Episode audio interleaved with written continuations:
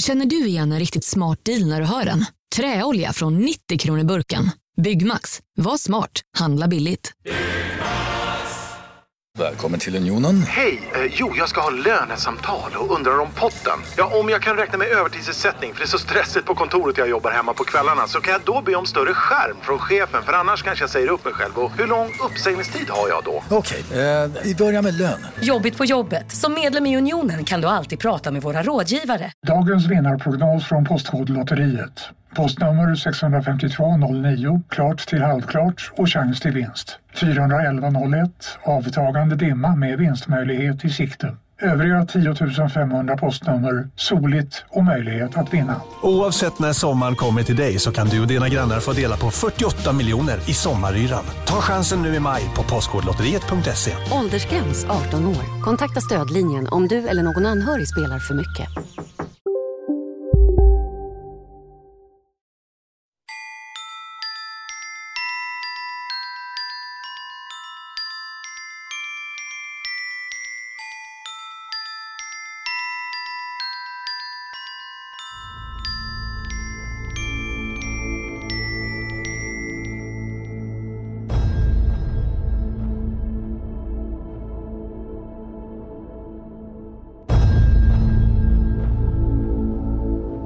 Martin, idag ska vi ju ta oss till eh, lite mer myter och sägner ju. Det älskar jag. Du jag dricker kaffe också direkt när jag börjar, det är så jävla smart. Du är ju lite, du är ju inte lite, du är ju från Norrland. Jag är ju myt. du är en myt från Norrland. Eh, och där är det ju, om inte annat, väldigt mycket eh, just kvar lite grann av det här, myter och så. Mm. Tiden går lite långsammare där uppe. Mm, och nu är vi ju nere i Göteborg och där tiden går betydligt mycket snabbare. Men vi fortfarande har väldigt mycket mysterier och sägner runt om i Västergötland. Verkligen. Och eh, idag har vi med oss eh, våran eh, gäst faktiskt som jobbar med förvaltning för kultur och utveckling i Västergötland. Eh, Anna Härdig. Mm. Om jag uttalar det rätt får vi se.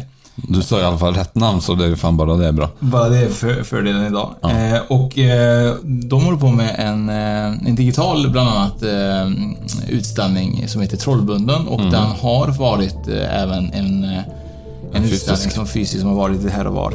Så det här kommer bli superspännande att höra vad Anna har att berätta om Västergötlands lite myter och mysterier. Vi kommer helt enkelt få åka en resa i Västergötlands mystik. Superspännande. Mm. Men lite om Anna innan vi börjar.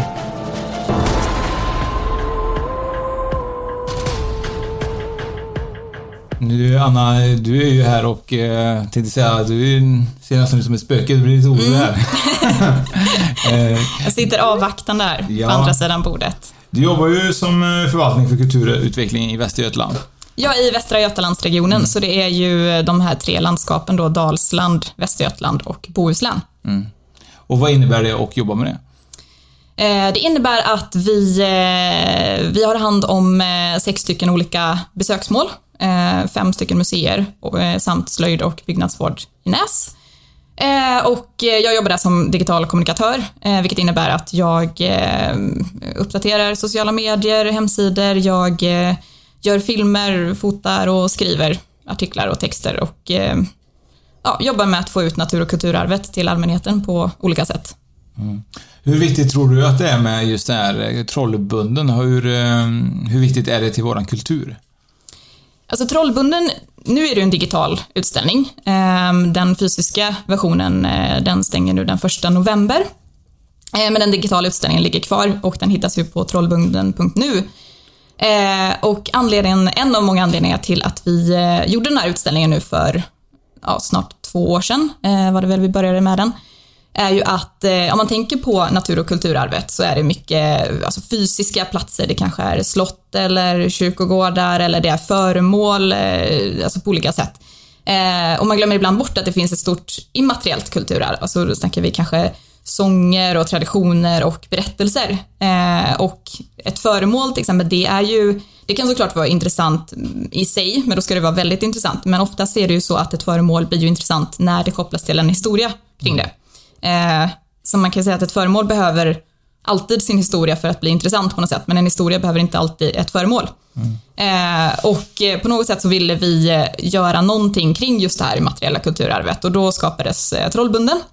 Eh, och eh, som sagt, utställningen den innehåller allt möjligt från både alltså väsen som troll och, och Näcken och eh, vättar till eh, ja, spöken i det här fallet. Ehm, men vi har också valt att gå åt det här mer medie och informationskunnighet, eh, alltså med källkritik och när passar det sig egentligen att, att vara källkritisk? Det är ju någonting som, som man vill att folk ska vara så mycket som möjligt, men om man hör till exempel en, en bra spökhistoria, då kanske man inte har lust att vara så källkritisk, utan man vill mer tro på den eller bara köpa den. Eh, så ett av koncepten vi har jobbat med lite är det här från troll till troll, alltså från, eh, från trollen i skogen för länge sedan till trollen på nätet idag och att det, att det är ungefär samma mekanismer som, eh, som vi har kvar idag mm. fortfarande. Att, eh, att förr i tiden kanske vi satt runt eh, lägereldar i någon grotta och berättade historier för varandra och idag så kanske vi sitter på något forum på nätet och berättar de här historierna och sprider rykten på olika sätt och, och det finns ju olika anledningar till att de här ryktena sprids. Att det, kan vara ju, det kan vara allt från propaganda till rent skvaller men också till att man bara vill berätta en bra historia som man kanske tror på eller inte tror på, men det spelar liksom inte så stor roll. Så vikten är egentligen att man som person då vill få ut någonting och att folk ska lyssna på en. Det är egentligen det som Ja, precis. Det, det verkar ju vara något, eh, något slags mänskligt behov som finns över hela jorden, att man berättar historier ah. av olika slag eh, och med olika syfte. Eh, och det var lite det vi ville ta fasta på, den här röda tråden i form av att varför, varför har vi ett så stort behov av att berätta saker för varandra hela tiden?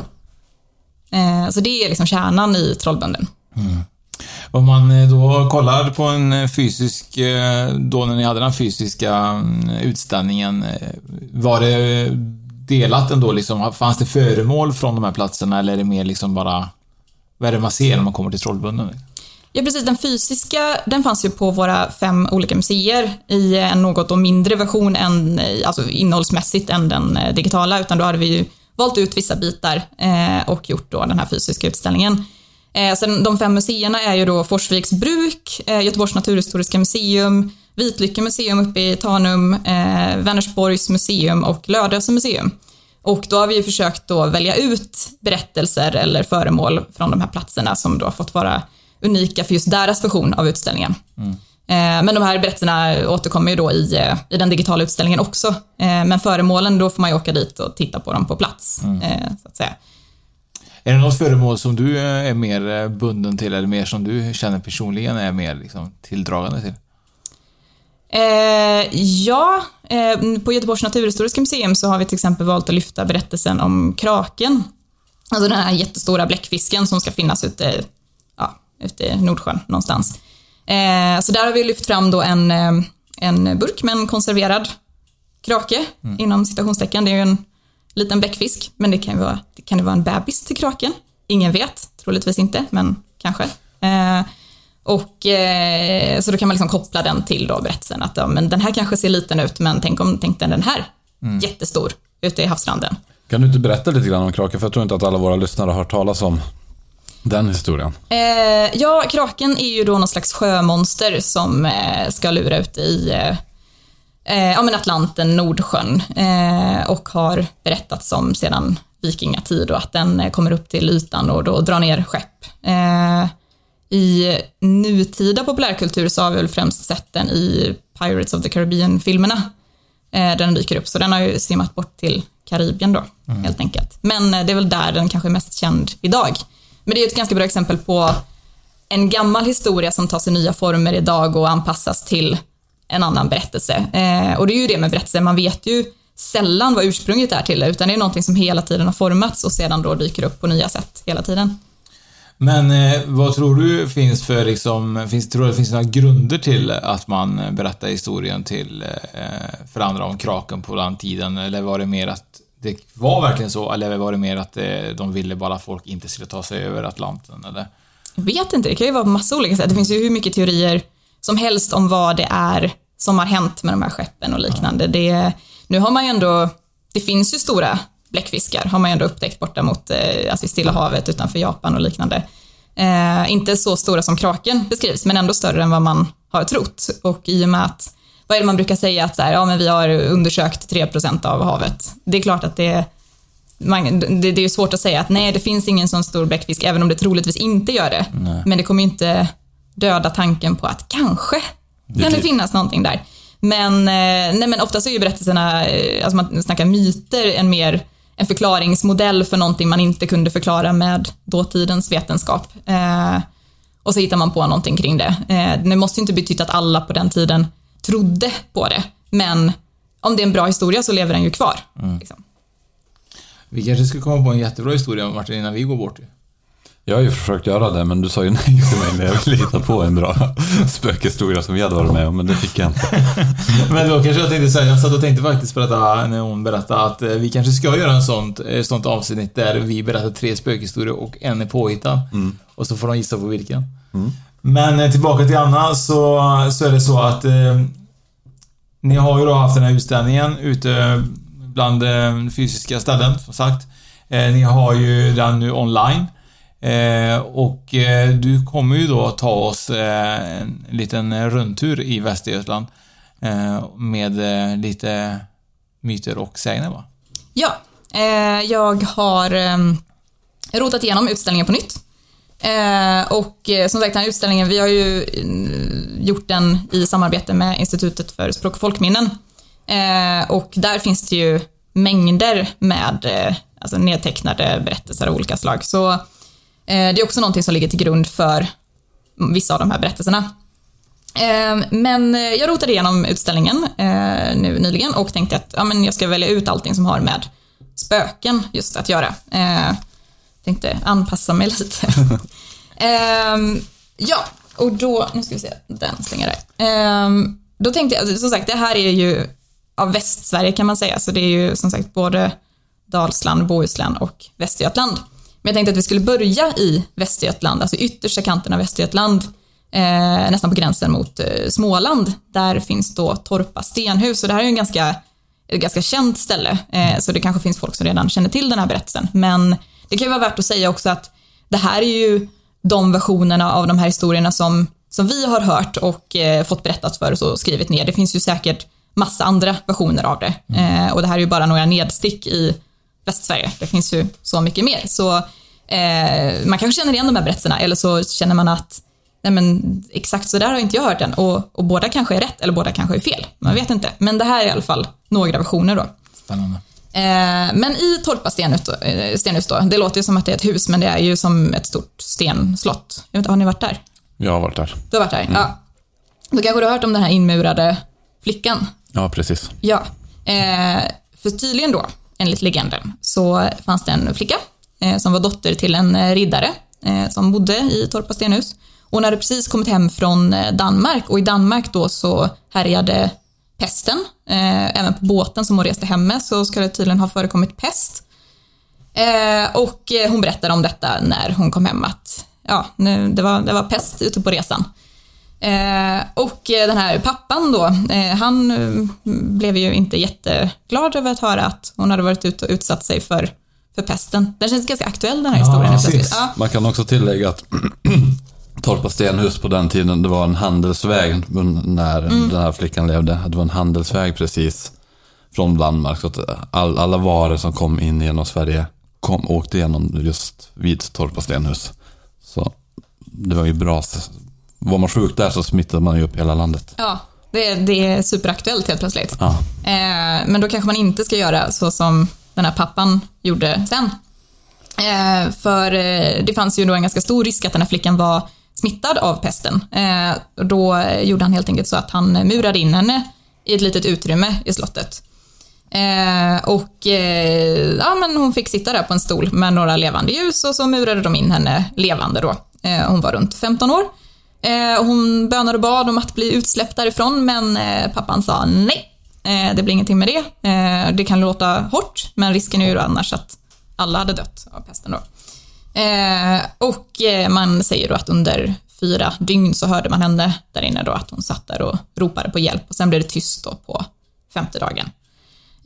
Och även nu i, i nutid så, så finns det ju oberoende vittnesmål om folk som då har sett någonting, alltså i det här, det finns ett litet, eh, ett litet fönster som ska, som ska liksom vätta ut från det här inmurade rummet, att folk har sett utifrån då någon som står i det fönstret. Eh, de har till exempel alltid ett tänt ljus utanför den här inmurade eh, väggen. Eh, och det här är ju en väldigt bra historia som man inte riktigt eh, det, det, är alltid så här med bra historier, vill man veta om detta är sant eller inte? Mm. Eh, vill man förstöra detta? Eh, I det här fallet så, eh, man vet ju fortfarande inte, men tydligen så har de ju röntgat den här väggen och sett att det är något hålrum där inne. Och då kan man ju ändå fundera över varför, varför skulle man mura igen ett, ett användbart utrymme om det inte vore för att det finns en riktigt bra anledning till det. Mm. Eh, så hit kan man ju till exempel då åka och spana runt. Det finns ju massa fler spökhistorier på, på Torpa. Det, man kan ju, som tillägg på den här, den här historien då, det, då har det ju som i nutid då sagts mm. att man har vid flertal tillfällen försökt åka dit att planera, nu ska vi riva väggen. Men då har alltid folk dött i samband med så att den, den, som leder projektet Riva väggen har dött eller att någon har brutit foten eller så här. Alla de projekten har gått i kras och de inte, har liksom inte kunnat riva väggen. Just det. Sen är jag också en eh, flika in lite grann att du var ju där och eh, du försökte ju faktiskt ta kort på väggen. Ja, på väggen kunde jag ta kort, ja. men det var en annan skylt i Torpastenen som jag, det gick inte ta, Jag kunde ta kort, men alla kort var suddiga. Mm. Mm. Det är intressant. Så där hände ju någonting. Mm, ja, men någonting är det. Som sagt, det är ju runt omkring slottet och eh, i andra rum i slottet så finns det ju fler mm. spökhistorier om olika ja. saker. Men den här är väl den som känns mest, eh, eh, ja men, som någonting som, just att det finns ett hålrum bakom väggen och mm. att pesten var så pass fruktad. Hade kunnat hända. Sen är också Torpa stenhus väldigt intressant för Gustav Vasa har en koppling till Torpa stenhus. Just det. Han och, hämtade sin, vad var det, fjärde fru? Sista, ja, fjärde, sista fru ja. tror jag, eller någonting sånt tror jag att han hämtade där. Så det är också väldigt intressant. Så det är bara, det är bara intressant bara rent historiskt att åka dit och besöka Sen ska vi också kanske lägga en parentes till eh, att det, det är ju coronatider och att man ska faktiskt inte mura in någon i dagens läge heller kanske. Eller? Men ta sitt ansvar. Precis. Eh, ja, så nu har vi besökt eh, Torpa Stenhus då och då eh, ganska, om man då tänker sig att man vandrar vidare eller kör vidare därifrån, eh, lite längre nordöst ut, eh, mellan Jönköping och Tidaholm, då kommer man till Habo kommun. Eh, och där finns det ett väldigt lokalt kulturarv i form av en hemsökt grav som då alltid har färska blommor pålagt på sig och ingen vet vem det är som lägger dit de här blommorna. Eh, och den här berättelsen kallas då för förbannelsen över Falks grav. Eh, och då är det så att på Svedmon i Hökensås tallskogar, där finns det en grav. Det är ett, eh, ett träkors som bara står mitt i tallskogen då. Med färska blommor eh, pålagt. Eh, och den här graven den eh, tillhör då Jonas Falk som år 1854 tillsammans med sin styvfar ska ha rånat en postdiligens. Och den här postiljonen som körde diligensen, han, eh, han avled av skadorna. Eh, så det var ju mer ett rånmord egentligen som Johan Falk, eh, Jonas, Johan Falk, Johan Falk. Jonas Falk utförde tillsammans med sin styvfar. Eh, och de försökte ju fly därifrån då, eh, och, eh, men blev eh, infångade i, i Stockholm och tillbaka skickade då till Skaraborgsbygden. och Anders då, styvfadern, han blev benådad till livstidsfängelse men Jonas han avrättades i tallskogen och eh, begravdes i ovigd jord där 1855. Eh, och nu sägs det då att han hemsöker den här platsen eh, och att han också straffar folk om de, om de på något sätt skändar hans grav eller stör hans vila på olika sätt. Och den här berättelsen är ju som sagt ett väldigt lokalt immateriellt kulturarv, eller materiellt, det finns ju som sagt en grav, men det är ju berättelserna runt som gör det till vad det är. Mm. och det här är ju någonting som då har återberättats från generation till generation att eh, det är någonting med eh, den här graven och eh, speciellt ungdomar har ju varit där och testat sin otur eller tur då, liksom hittat på olika saker. Men då har det alltid hänt någonting med ungdomarna efteråt, att när de tar sig därifrån så har de krockat med sin bil eller de har cyklat omkull eller de har skadat sig på olika sätt. och som sagt, det ligger alltid nya färska blommor på graven och ingen vet vem det är som lägger dit dem, vilket är man tänker att man borde kunna sätta upp någon övervakningskamera, men det är väl samma sak där att vill man veta riktigt, vill man... Det är ju kul med den här mystiken. Ja, precis. Men kanske, som sagt, det är lite det som jag pratade om i början, att det finns, eh, eh, alltså källkritik passar sig bra när man sitter och läser nyheter och, och alltså, riktigt viktiga samhällsgrejer. Men när det kommer till bra historier, då är man inte lika pepp på att kolla upp grejer. Nej, då får det vara som det Ja, då får det vara. vi, då vill jag också tillägga med, med just falskgrav, det är ju det är populärt, det är ju väldigt mm. populärt för spökturism. Eh, och så kan man gå in och följa våra kompisar som vi samarbetar med, Spökjakt Sverige, har ju varit där och gjort utredningar.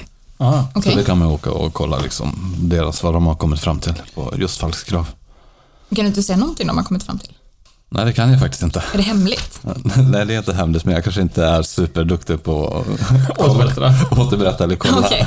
Men, men det som jag tycker är spännande det är ju verkligen att det är någon eller några som tar sig tiden och verkligen lägga färska blommor jämt. Ja.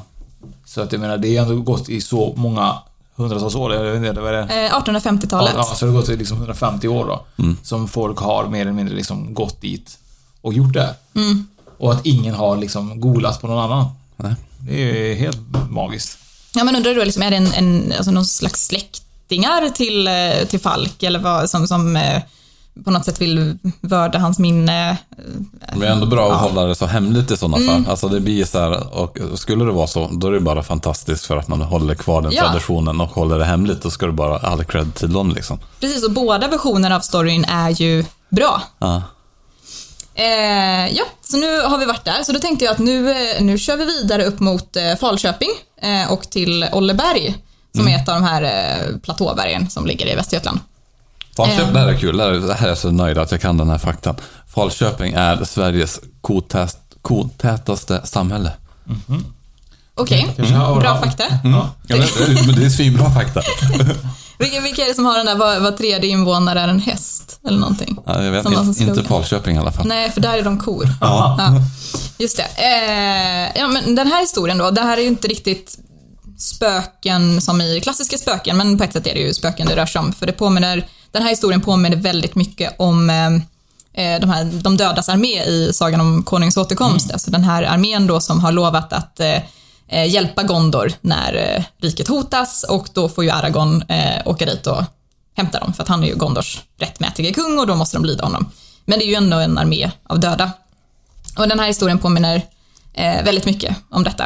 Eh, för i Olleberg då så, så ska det då finnas en sån här spökarmé.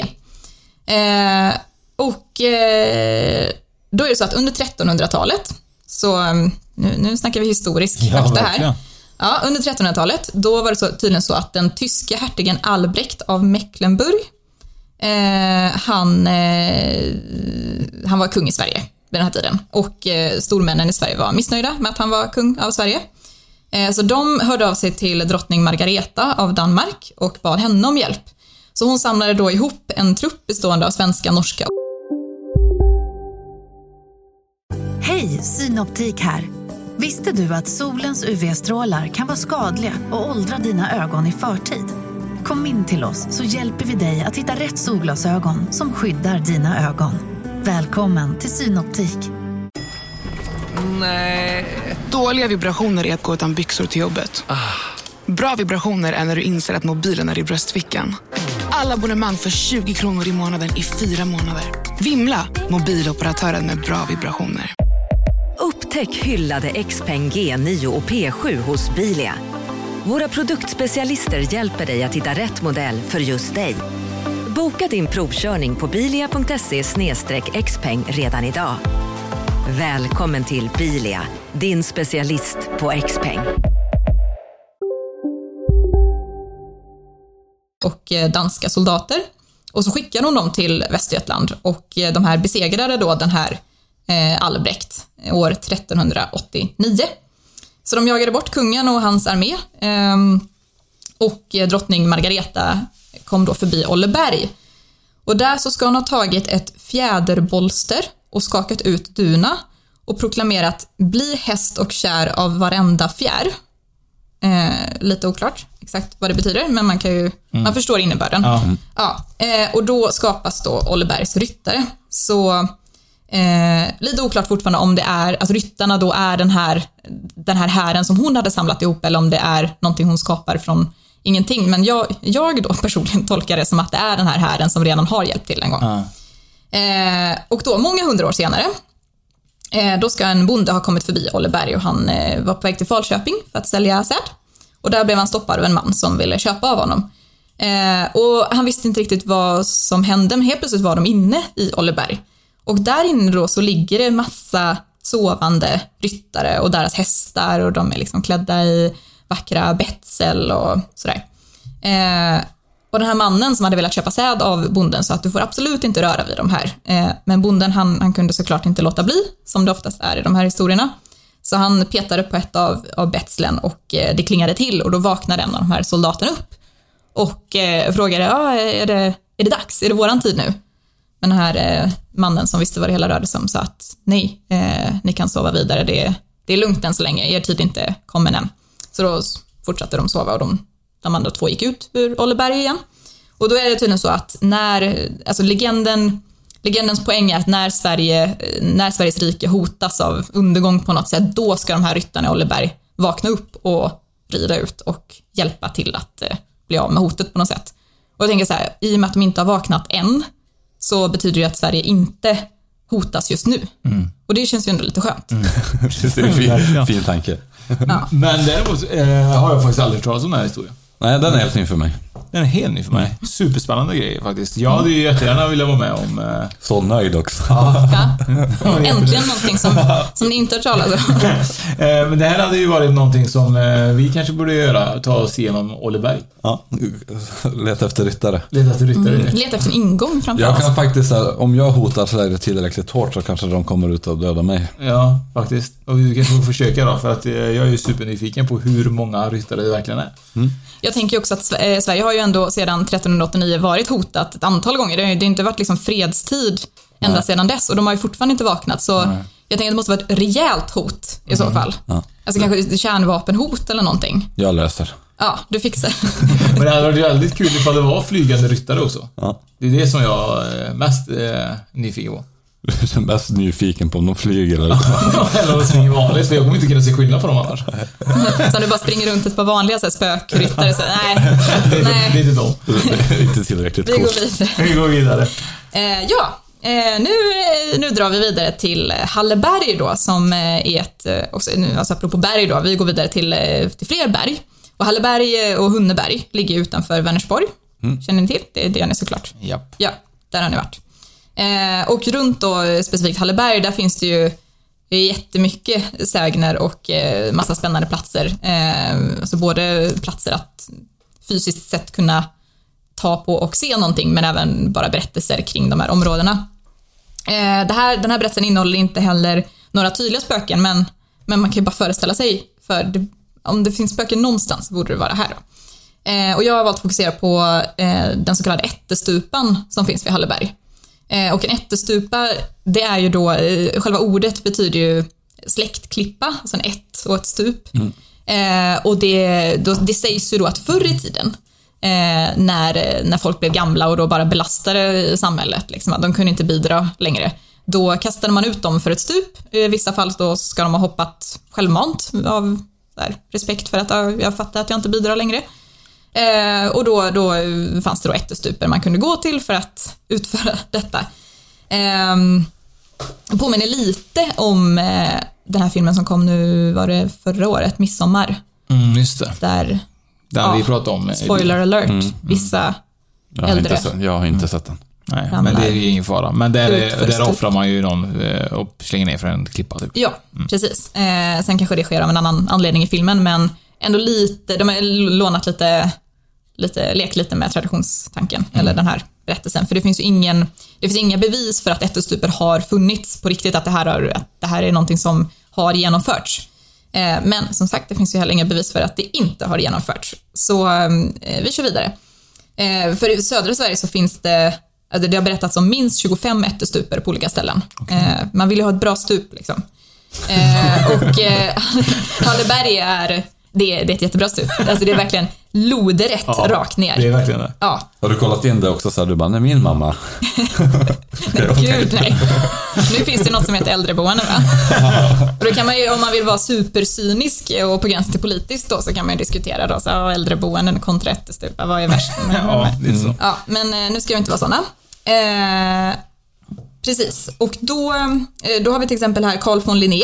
Ni hör ju, det här är ju väldigt eh, Fint folk. Eh, det, har- det här är ju vetenskapligt. Eh, då har han, 1746 så har han, eh, han har varit ute och rest i Västergötland och så har han då skrivit Västgötaresan. Och då har han skrivit om den här så kallade ättestupan eh, vid Halleberg. Eh, nu ska jag läsa lite här vad han skrivit och det är lite på gammal svenska men jag ska försöka. Eh, han kallar det för Ättestörtan istället då. Eh, Ättestörtan är en valhall, alltså någon slags livet efter detta då, på södersta sidan av Häcklan. Eh, Häcklan är Halleberg. Eh, Eh, där bergens lodräta, räfflade, grå och höga eh, sida vida övergår de andra hals och Häcklas klevar. Här sägs de gamla götar hava bråstörtat sig ut för och hissat segel åt Odins ö utan att tänka på återresan, då allting icke mer ville gå dem i lag, eller då de blivit trötta vid värld och levnad. Eh, ja, så sägs det redan då. Eh, och under 1800-talet fortsätter den här legenden om ättestuparna att spridas åt olika håll.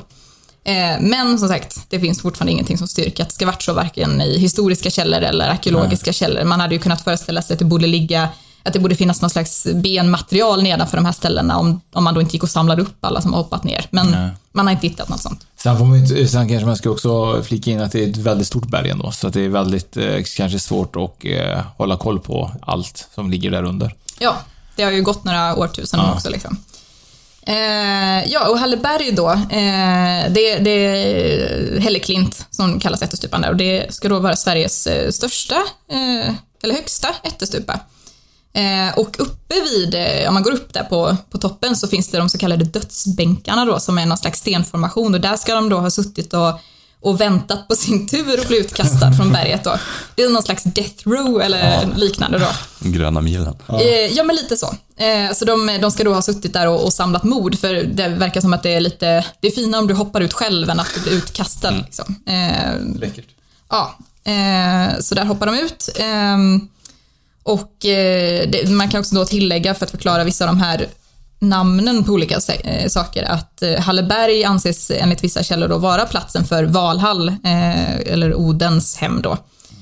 Att han skulle ha, att det är därifrån han ska ha bott. om säger att han egentligen inte var en gud per se, utan han var egentligen en, en rik man från början som då har blivit en legend och så blev det Oden och, och där ska han då ha bott och det är därför vissa delar av berget kallas för Häcklan idag, för att Oden hade ju väldigt många olika namn och ett av dem var då Häcklaman.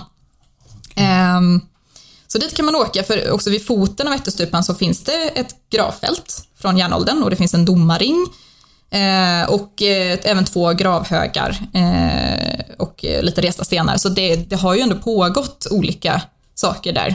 Sen vad man kan befästa är inte en annan sak, men det, det är ju en plats med långa historiska anor på Mm. olika sätt. Eh, som sagt, det är inga spöken som nämns här, men, Men så en man bra kan ju bara historia. tänka sig att Ja, just så vi bor ju väldigt nära Halleberg. Ja. Så vi kanske ska faktiskt ta oss ut dit lite oftare. Det borde vi göra. Jag har en som jag behöver kasta ner där också. Ja, då. visst. Ja, det är ja, vi så. vi kan ni sända live under tiden. Ja, precis. Spännande.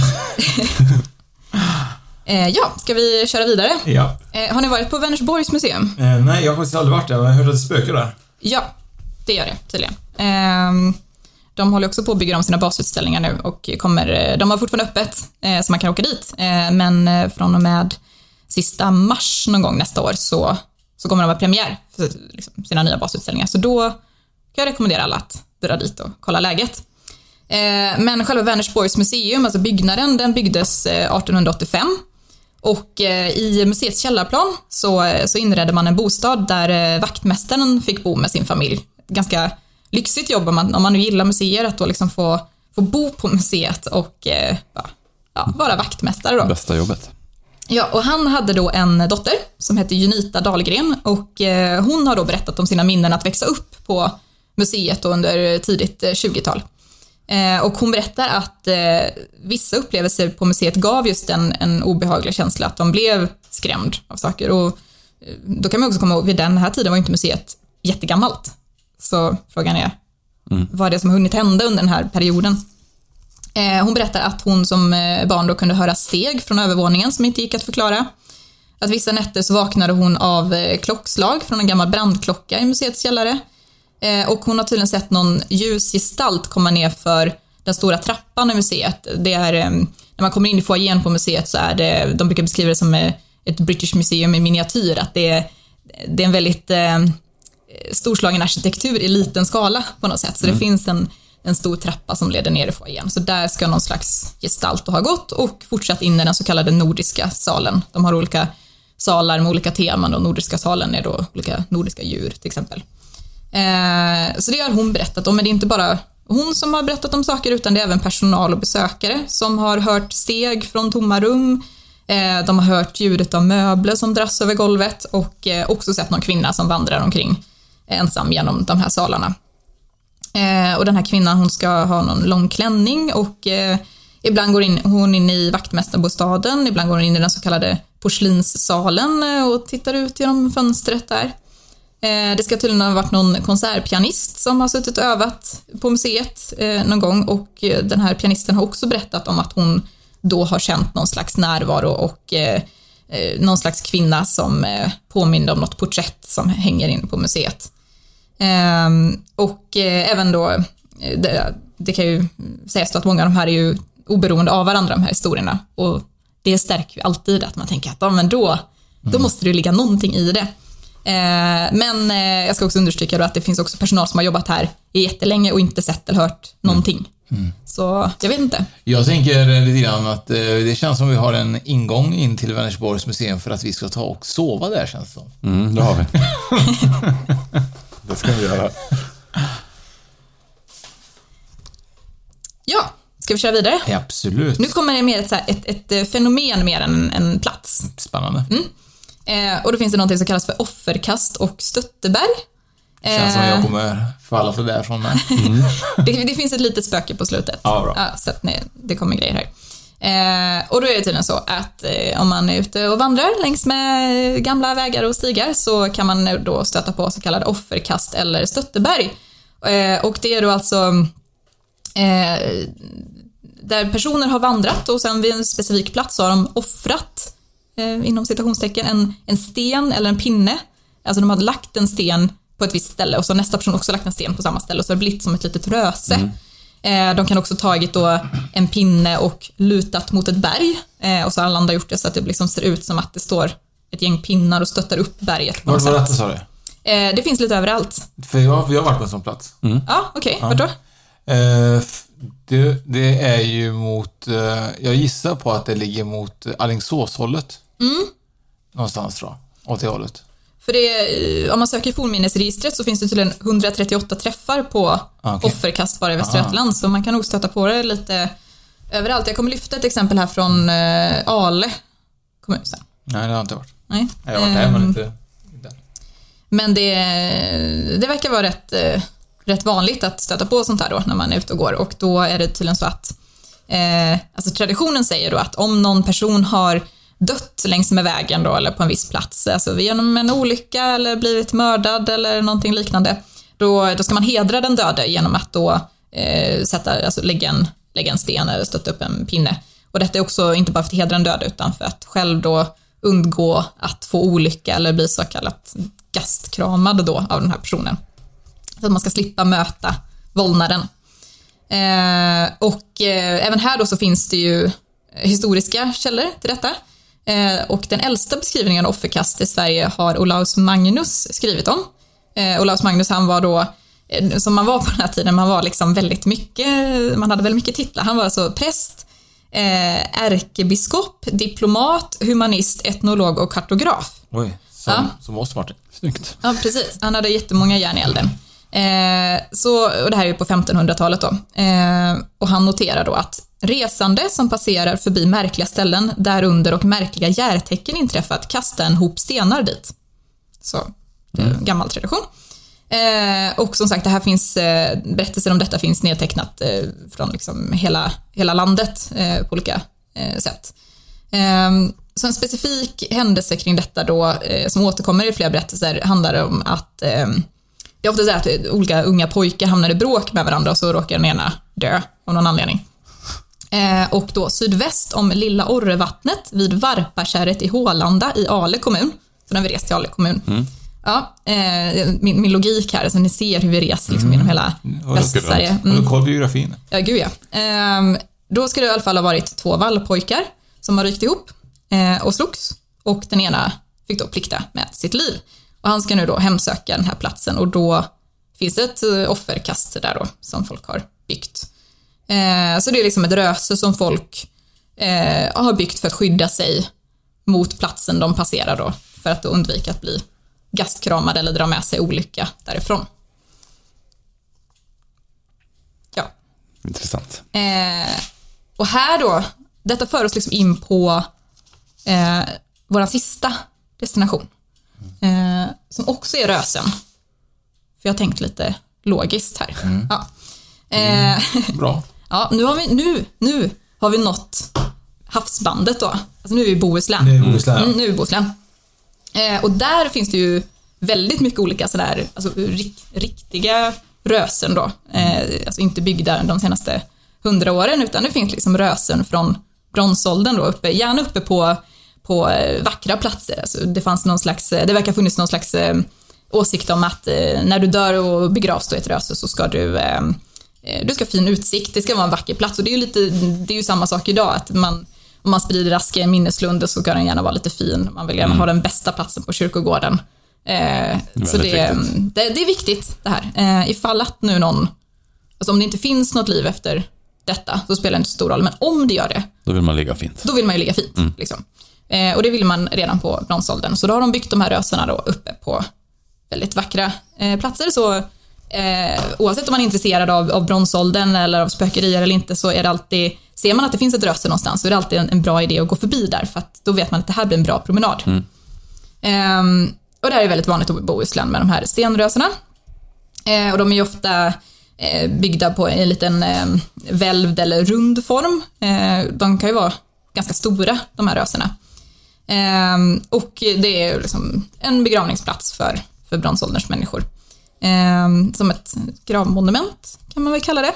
Och då, eh, även här då så finns den här traditionen att då när man passerar ett röse så ska man kasta en sten på röset för att så att säga binda den döde vid sin grav. Och det är samma sak som i den förra berättelsen, att man inte vill bli gastkramad, man vill inte bli hemsökt av den här vålnaden. Eh, så det är någon slags, eh, ja men en symbol, symbolisk ritual Mm. som man genomför. Och, men det finns ett problem med detta som jag ändå känner att jag måste nämna.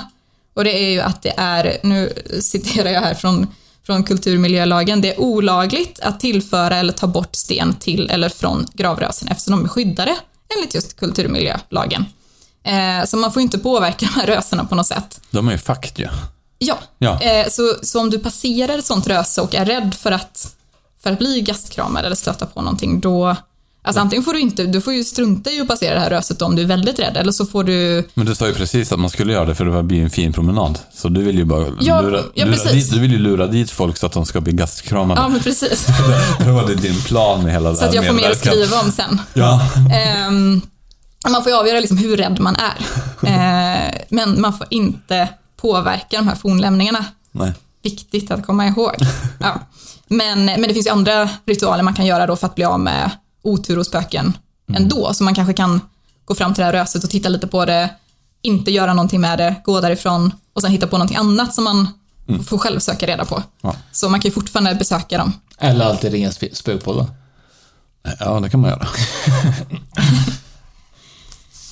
Eh, ja, så det var hela den här lilla odyssén då genom Västra Götalandsregionen. Det var lite synd att jag läste igenom din agenda med det hela bara, att du vill få mer att skriva om.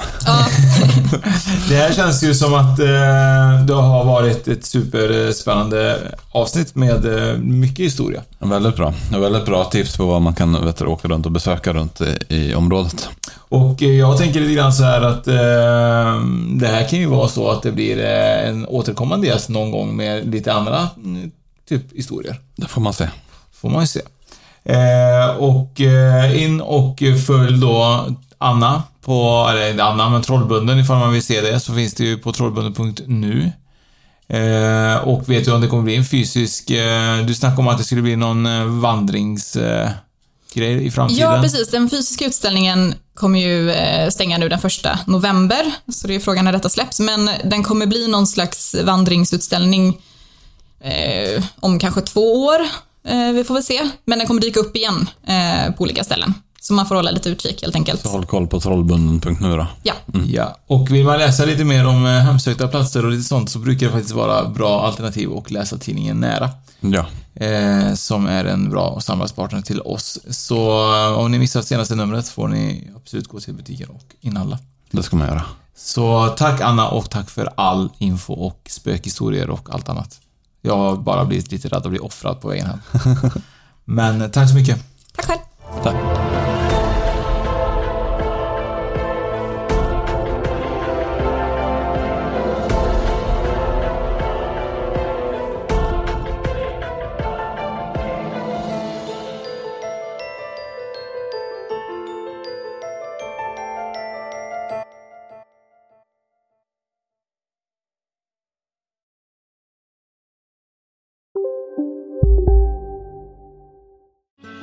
Susanne Axel här. När du gör som jag och listar dig på en av Krys vårdcentraler får du en fast läkarkontakt som kan din sjukdomshistoria. Du får träffa erfarna specialister, tillgång till lättakuten och så kan du chatta med vårdpersonalen. Så gör ditt viktigaste val idag, lista dig hos Kry. Just nu till alla hemmafixare som gillar julast låga priser. En slangvinda från Gardena på 20 meter för vattentäta 499 kronor. Inget kan stoppa dig nu. Du, åker på ekonomin. Har han träffat någon? Han ser så happy ut. Var det onsdag? Det är nog Ikea. Har du dejtat någon där eller? Han säger att han bara äter. Ja, det är ju nice där alltså. Missa inte att onsdagar är happy days på IKEA. Fram till 31 maj äter du som är eller blir IKEA Family-medlem alla varmrätter till halva priset. Välkommen till IKEA.